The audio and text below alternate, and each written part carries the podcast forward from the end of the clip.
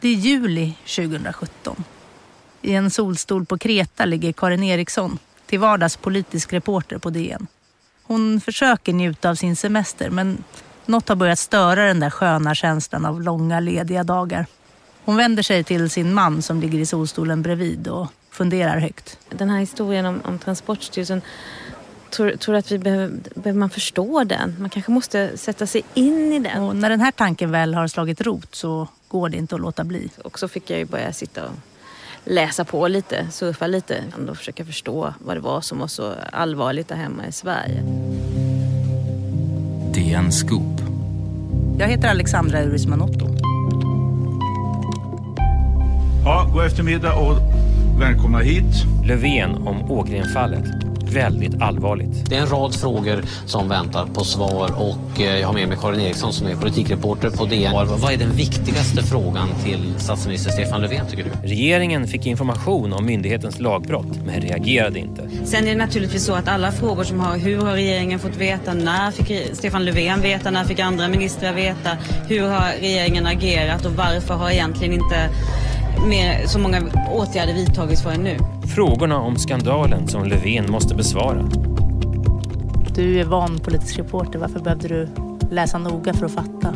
Nej men det var nog att semesterhjärnan var på och vad jag behövde förstå var, är det här en allvarlig historia? Ligger det någonting i det här? Har det verkligen hänt någonting eller är det bara buller och bång formalia? Och någonstans så började jag förstå att det här är en riktig kris och då kommer jag också behöva eh, hantera den som politisk reporter. Då kör vi.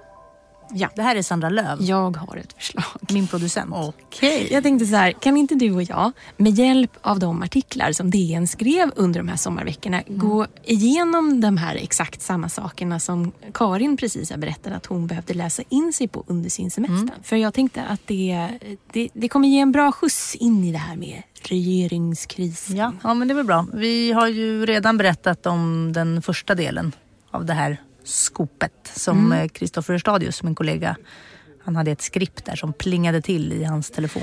Eh, vi kör en tidslinje igen. Mm. Tycker det känns effektivt. Mm. Fredag 14 juli 2017. DN avslöjar att driften togs över av dataexperter i Tjeckien och Serbien som aldrig säkerhetskontrollerats.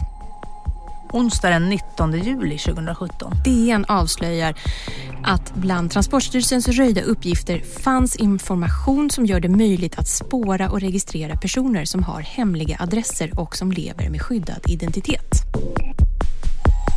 Dagen efter, torsdag 20 juli 2017, DN avslöjar att polisens hemliga brotts- och misstankeregister legat åtkomliga för obehöriga. Och sen då fredag 21 juli 2017. DN avslöjar att Transportstyrelsen trots åtgärder fortfarande har mycket dålig IT-säkerhet. Av 11 uppställda krav blir det underkänt på 10 enligt en intern rapport. Och det här är alltså ett halvår efter att man har uppdagat det här ursprungsproblematiken internt. Alltså vid det här laget så har, har hela den här historien pågått i två år. Mm. Eh, och I samma veva här så inrikesminister Anders Ygeman uppger då att han hade kunskap om Transportstyrelsens säkerhetsbrister redan i januari 2016. Ett år innan generaldirektör Maria Ågren fick mm. sluta. Men infrastrukturminister Anna Johansson fick informationen först den 9 januari 2017. Och för att vara extra tydlig här, hon är den minister som har ansvar över Transportstyrelsen. Yes. Så Ygeman håller på informationen kan man säga mot sina regeringskollegor. Vi kommer höra mer om det.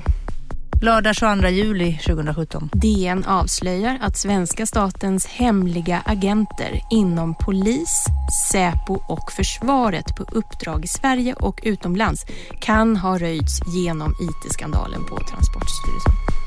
Det här är nästan det största avslöjandet. Ja. Bara att vi har hemliga agenter. Det är ju för mig nästan ett avslöjande. Och jag känner bara så här, vad avslöjade inte DN den här veckan? Det är, det är verkligen, varje dag är det en jättestor nyhet mm. som kommer ur det här första skopet. Liksom. Så det är ganska mycket som reporten Karin ska läsa in sig på och förstå. Det är reporten Mikael Holmström som har skrivit flera av de här artiklarna. Efter Kristoffer Stadius första skop den 6 juli går Mikael igenom förundersökningen från Säpo och sen följer en hård arbetsvecka. Ja, det, det är ju väldigt intensivt. Jag tittar i min almanacka efteråt. Jag har inte ens, det finns inte en anteckning i almanackan för de här dagarna. Allting sker ju liksom ett, ett, ett stort svep. Kan vi inte bara titta? Du har din eh, kalender med dig. Ja, den är ju helt tom de här dagarna. Jag har ju bara hållit på. Jag har liksom, det här har, varit, jag har gått ur hand i mun så att säga hela tiden. Det brukar finnas Ja, ja, anteckningar. Ja, du ser hur det ser ut annars. Varje vecka. Så det kändes väl vara som att vara i en torktumlare kan man säga. Vi är framme vid söndagen den 23 juli 2017. Karin Eriksson är på väg hem från semestern.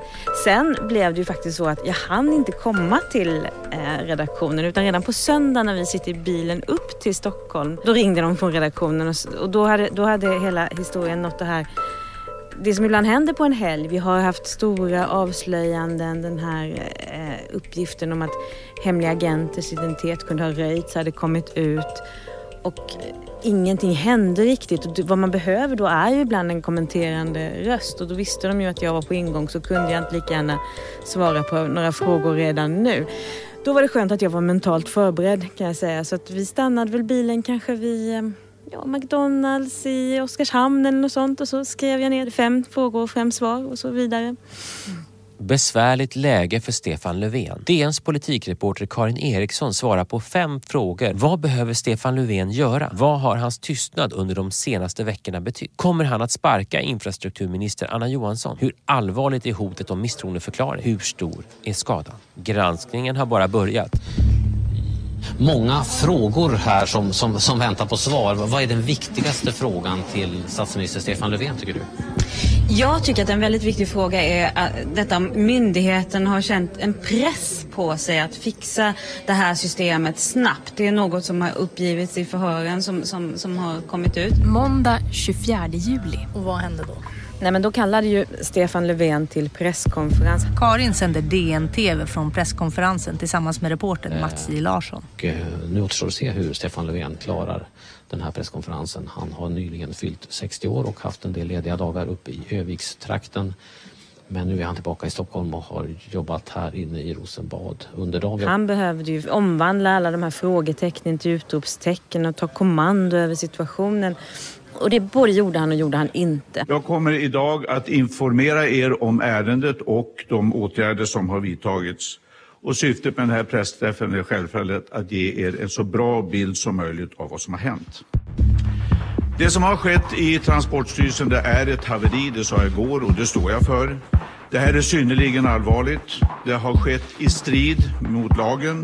Det har utsatt både Sverige och svenska medborgare för risker. Och åtgärder för att minimera skadorna har pågått med full kraft sedan det här lagstridiga agerandet upptäcktes. De redogjorde mycket, mycket utförligt för vilka olika åtgärder som man vidtagit för att eh, förhindra att information läckte ut. Och det var, den delen av den presskonferensen var faktiskt ganska förtroendeingivande som jag, som jag minns den. Transportstyrelsens tillförordnade generaldirektör Jonas Bjelvenstam. Tack så mycket och god eftermiddag. Jag eh, tänkte beskriva något om bakgrunden till outsourcing av IT-drift på Transportstyrelsen, säga någonting om min bild av händelseutvecklingen och avsluta med var vi står idag. Säpochefen Anders Thornberg. I maj 2016 så meddelar Säkerhetspolisen sina slutsatser av, av tillsynen till Transportstyrelsen. På en övergripande nivå så kan eh, slutsatserna beskrivas som att det fanns brister avseende Transportstyrelsens analys om vad som är skyddsvärt i deras verksamhet. ÖB Mikael Bydén. Vi ser självklart allvarligt på det som har inträffat. Information som omfattas av sekretess ska aldrig komma på avvägar. Det, det kändes som att nu har myndighetssverige tagit det här på allvar. Det, läckage som kan ha hänt, det har vi verkligen... De, de sa ju också att det finns inga indikationer på att det har uppstått någon skada.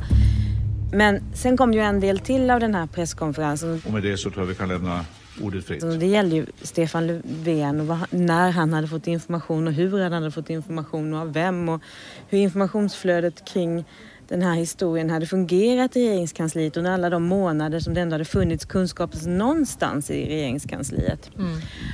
Och där var det ju, där lyckades han ju inte alls lika väl med att med pondus och självklarhet svara på frågorna. Hur kan det vara möjligt att en sak som du nu beskriver som ett haveri och som alla här säger att det är mycket allvarligt och så vidare, även om det kanske inte har lett till någon skada vad man vet nu, att, ni in, att den ansvariga ministern och du inte känner till det förrän i januari i år. Det är en stor skillnad, kan ju vara stor skillnad mellan eh, hösten 2015 och våren 2017.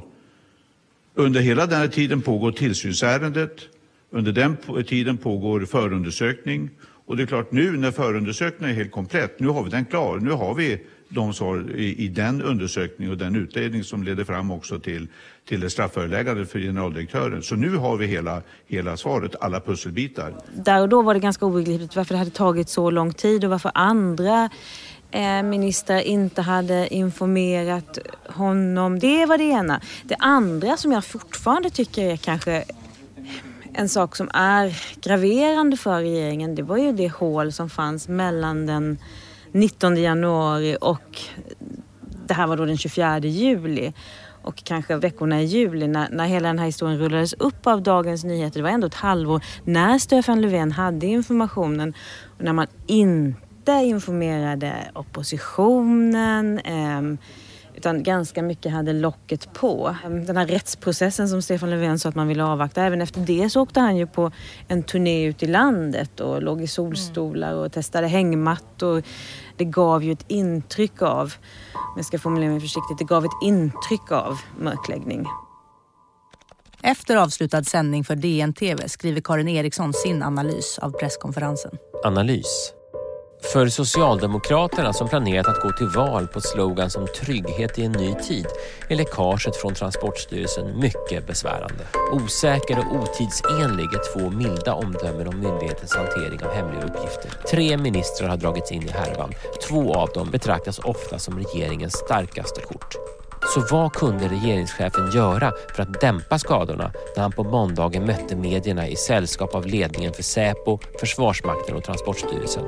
På flera punkter gavs faktiskt lugnande besked. Löfvens beskrivning av informationsflödet på regeringskansliet ingav inte lika stort förtroende. Många frågetecken återstår att rätas ut.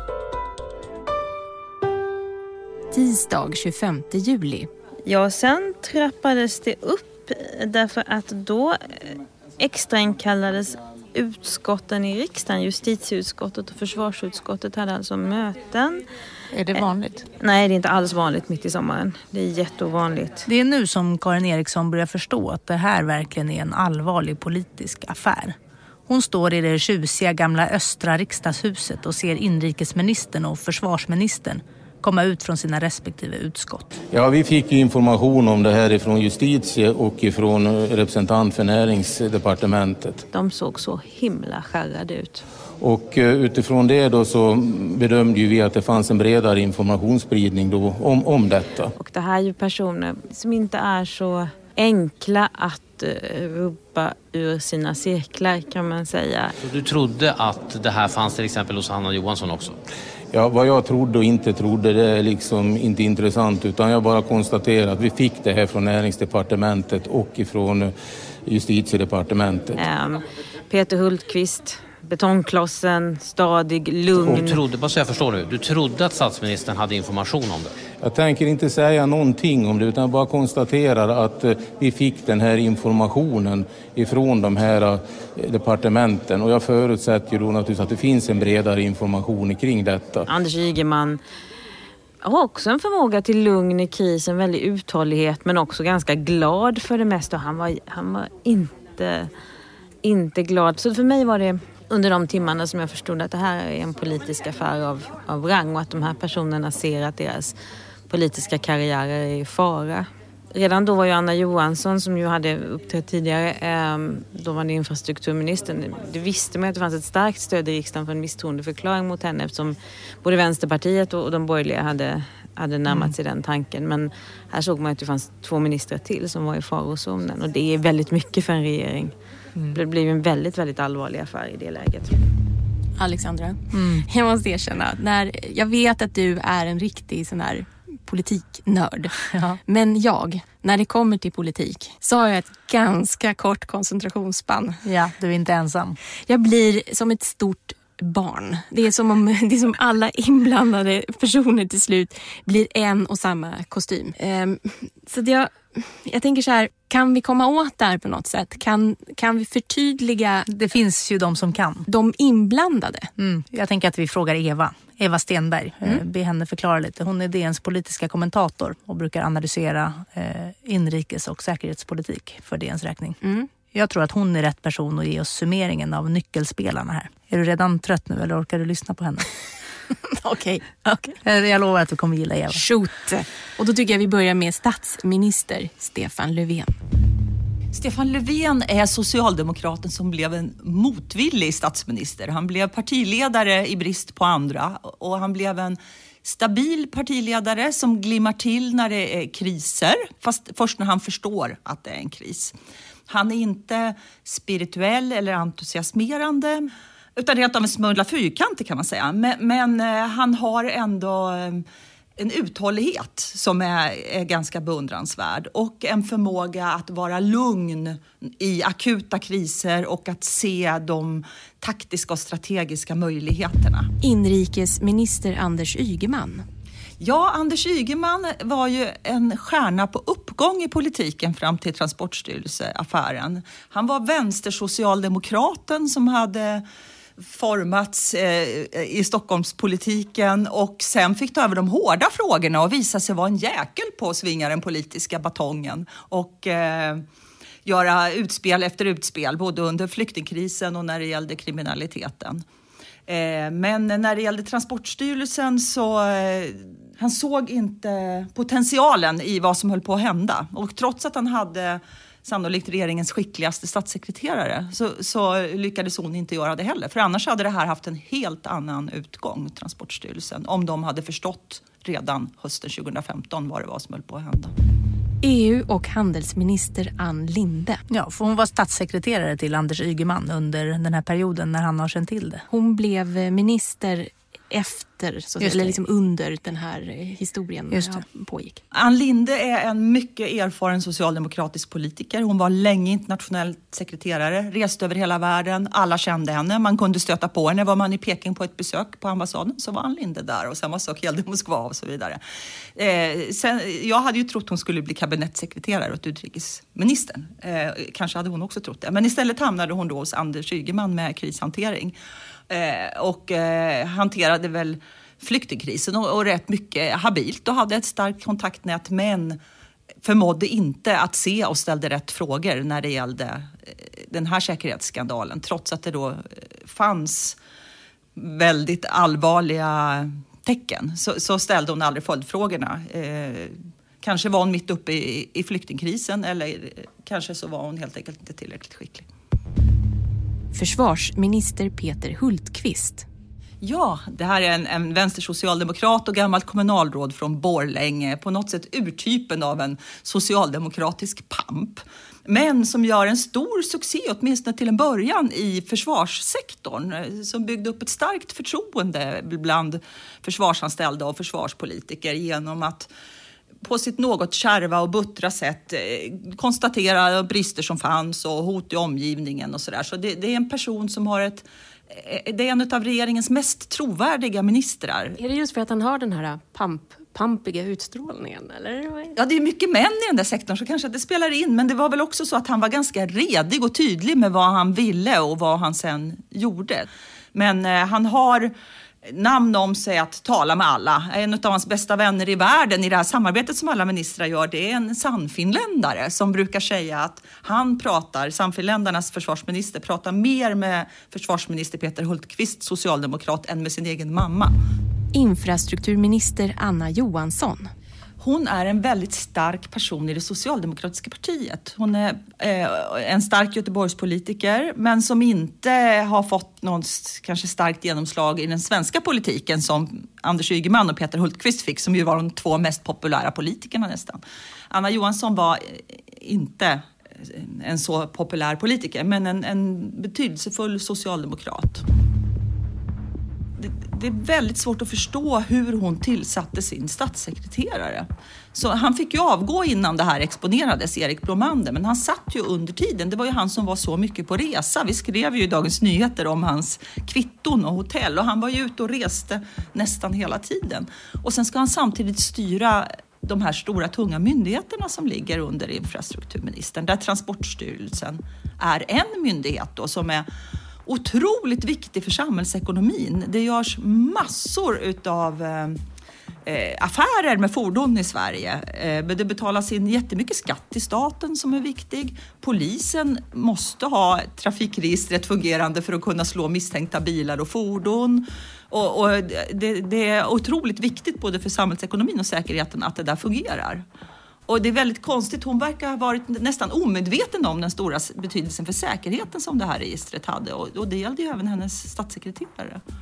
Så att eh, hon har uppenbart inte tillsatt rätt person eller, som har hanterat det här eller, och som har informerat henne om det och därför blev det ju en bitvis lite eh, plågsam upplevelse i konstitutionsutskottet att det var så mycket som hon inte kände till så att säga.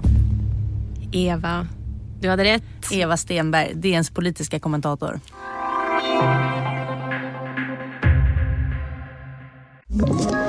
Ett poddtips från Podplay. I fallen jag aldrig glömmer djupdyker Hasse Aro i arbetet bakom några av Sveriges mest uppseendeväckande brottsutredningar går vi in med hemlig telefonavlyssning och, och då upplever vi att vi får en total förändring av hans beteende. Vad är det som händer nu? Vem är det som läcker? Och så säger han att jag är kriminell, jag har varit kriminell i hela mitt liv men att mörda ett barn, där går min gräns. Nya säsongen av Fallen jag aldrig glömmer på Podplay. DN Scoop. Det har gått lite mer än två veckor sedan Dagens Nyheter publicerade skopet om Maria Ågren. Flera avslöjanden har gjort att statsministern nu håller en presskonferens för att bedyra att läget är allvarligt, men under kontroll. Men den politiska oppositionen har samlat sig och alla väntar nu på deras nästa drag. Alliansen, vilka var inblandade den här sommaren 2017? Eva Stenberg igen. Anna Kinberg Batra, hon hamnade i den paradoxala rollen att hon var Reinfeldts favorit till att bli moderatledare. Och hon var verkligen en ny moderat i hans fåra, en liberal moderat.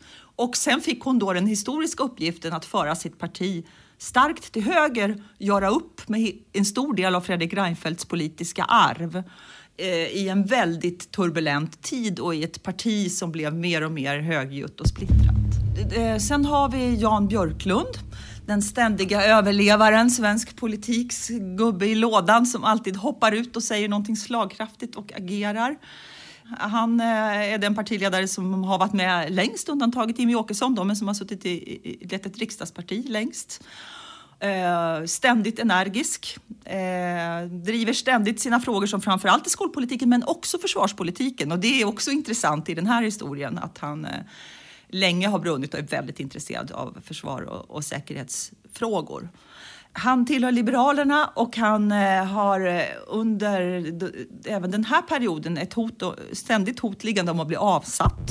Och sen eh, har vi Ebba Busch Thor som var ganska nyvald som Kristdemokraternas ledare. Hon satt inte i riksdagen, men hennes parti hade gått fram ganska hårt Eh, och, och, först vält decemberöverenskommelsen och sen hade hon börjat säga att vi ska välta hela regeringen, vi ska lägga fram en gemensam budget, vi ska ta över.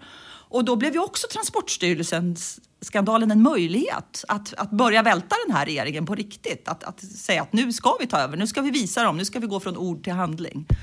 Och sen den fjärde personen i det här är ju Centerledaren Annie Lööf då, som är en mycket strategisk och långsiktig eh, partiledare med en eh, agenda att eh, komma till makten men göra det under rätt förutsättningar och på rätt sätt. Eva Stenberg, DNs politiska kommentator. Eh, ska vi gå tillbaka till regeringskrisen nu i juli 2017? Ja, för nu har Alliansen tagit initiativet. De fyra borgerliga partiledarna kallar till presskonferens och Moderaternas Anna Kinberg Batra tar ordet. Under de senaste dagarna har vi i Alliansen begärt och kallat att de ansvariga ministrarna har kommit till riksdagen för att redogöra för hur regeringens ansvarstagande har sett ut för och under den här krisen. Det har inte gett tillfredsställande svar. Och därför har vi efter mötena i riksdagen igår gjort en samlad bedömning och det är den vi står här och vill presentera för er idag. Onsdag 26 juli 2017. Den landar i att vi från Alliansens sida tillsammans vill väcka misstroende mot de tre ansvariga statsråden för brister i ansvarstagandet i samband med säkerhetskrisen. Och det handlar då om Anna Johansson, Anders Ygeman och Peter Hultqvist. Karin Eriksson om Alliansen. Det var ju en, en grupp med som kunde luta sig tillbaka mot många år av borgerligt samarbete men det senaste halvåret hade sannoliken inte varit särskilt lyckat. För att förstå vad Karin menar backar vi till den 19 januari 2017 när det kom ett litet kort kommuniké om en ny TF generaldirektör på Transportstyrelsen. Det var ju en dag som vi alla missade helt. Det blev bara en liten notis i tidningen om att den tidigare generaldirektören hade fått sparken. Normalt hade man ju spärrat upp ögonen redan då. Men det var ju samma dag som Anna Kinberg Batra gick ut och la om Moderaternas linje när det gällde Sverigedemokraterna. Så all uppmärksamhet för oss politiska reportrar var på en helt annan historia under ganska lång tid, under, under ett halvår faktiskt.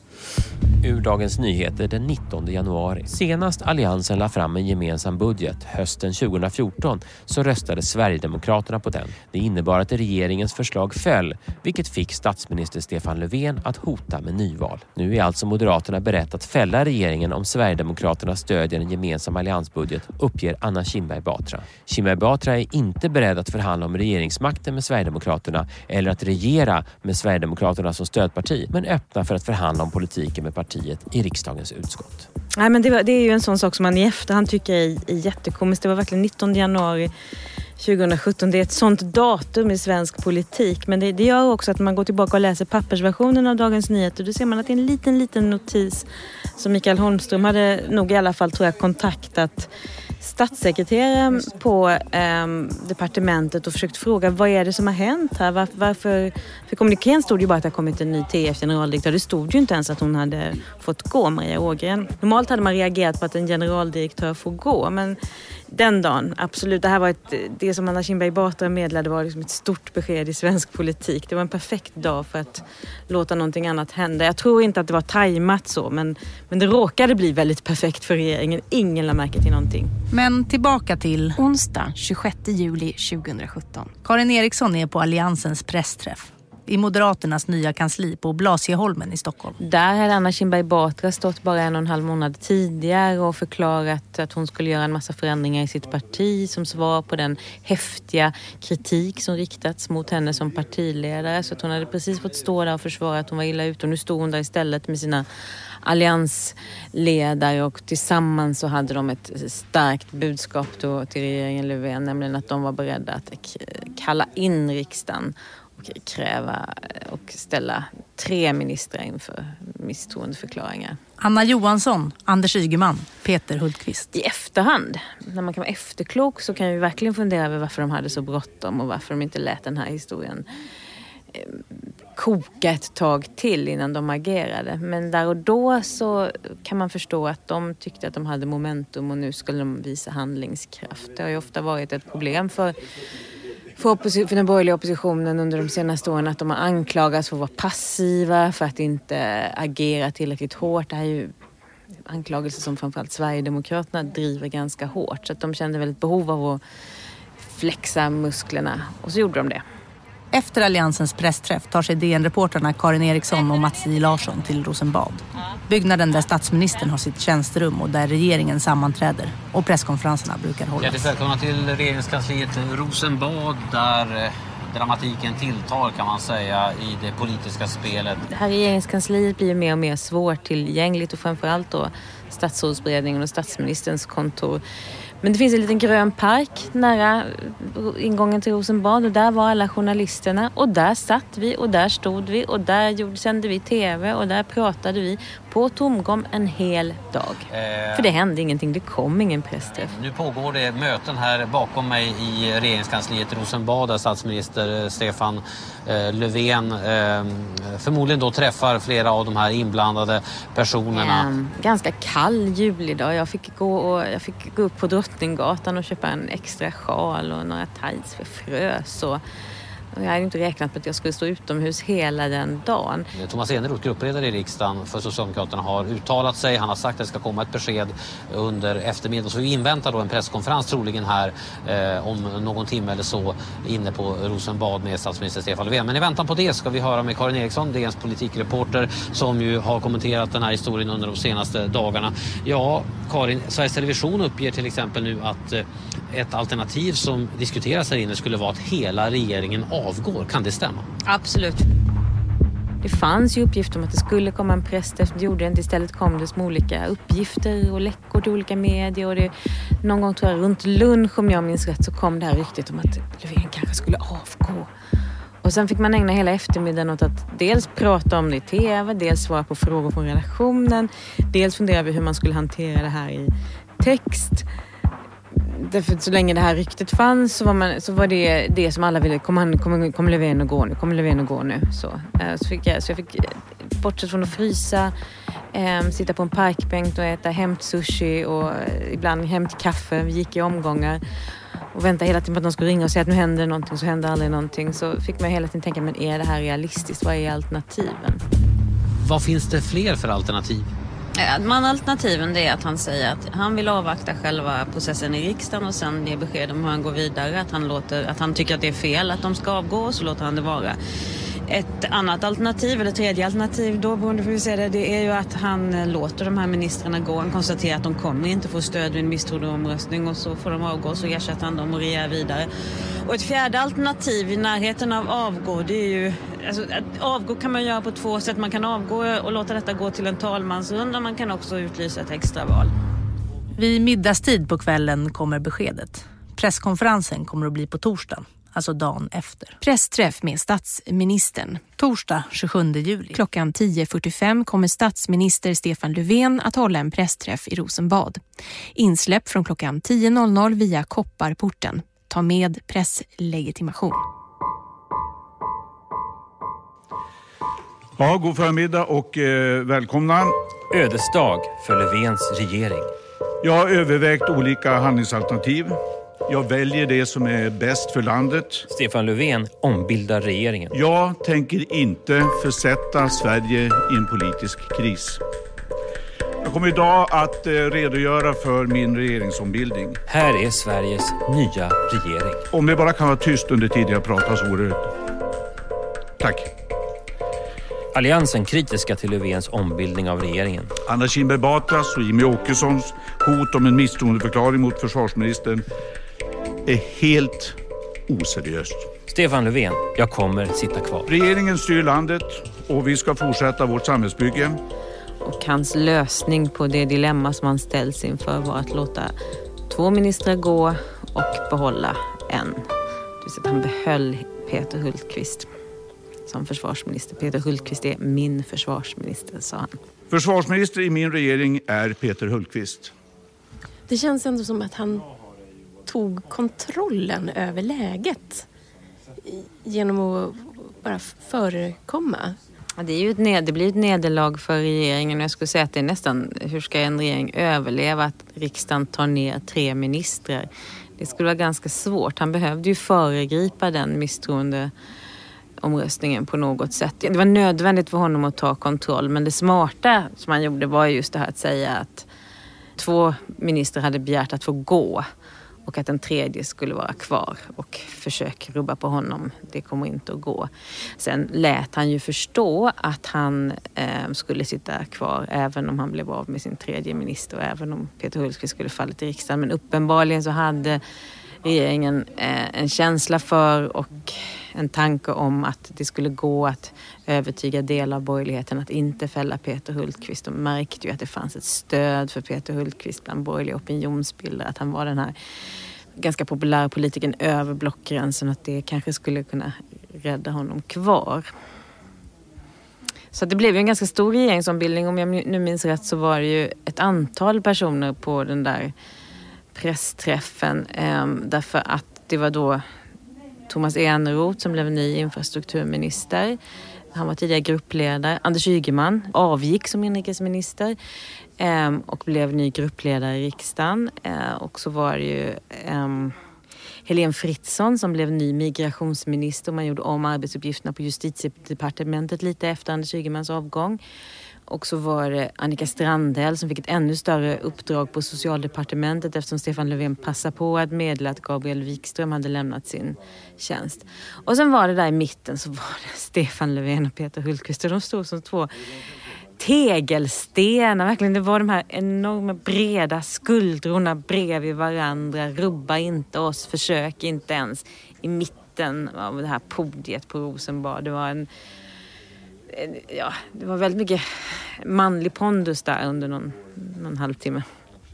Statsminister Stefan Löfven har tagit kommandot i en krisartad situation. Ett haveri som han själv kallar det. Han stuvar om i sin regering, måste sätta den socialdemokratiska kronprinsen Ygeman på avbytarbänken och starkt försvara sin försvarsminister. Men på något sätt tycks en av de största politiska skandalerna i modern tid ändå ha gått hans väg. Trots IT-skandalen, de rödgröna ökar försprånget. I nästa avsnitt av DN Scoop. Det är ju en sak som man tänker på när man sätter sig in i den här historien. Och den är komplex. Och i komplexa historier så kanske man inte alltid kan ha en syndabock. Det var den som gjorde fel och den personen har nu liksom tagit fallet. Har vi fått ett svar rent politiskt på, på Transportstyrelsen, krisen? På pappret så tycker jag nog att regeringen Löfven har fått betala ett pris eh, i form av att två ministrar faktiskt fick gå. Det är ganska mycket. Det är eh, ett, ett ganska spektakulärt ansvarsutkrävande efter en, en, en affär av det här slaget.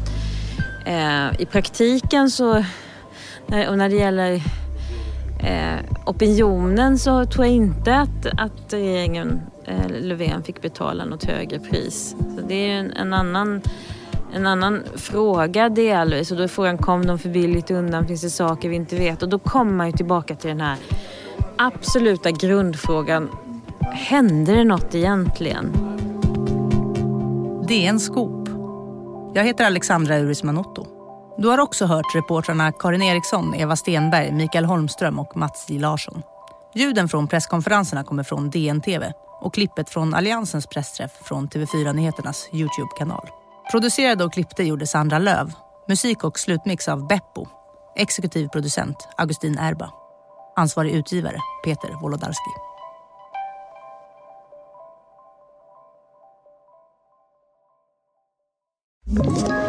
Ett poddtips från Podplay. I fallen jag aldrig glömmer djupdyker Hasse Aro i arbetet bakom några av Sveriges mest uppseendeväckande brottsutredningar går vi in med hemlig telefonavlyssning och, och då upplever vi att vi får en total förändring av hans beteende. Vad är det som händer nu? Vem är det som läcker?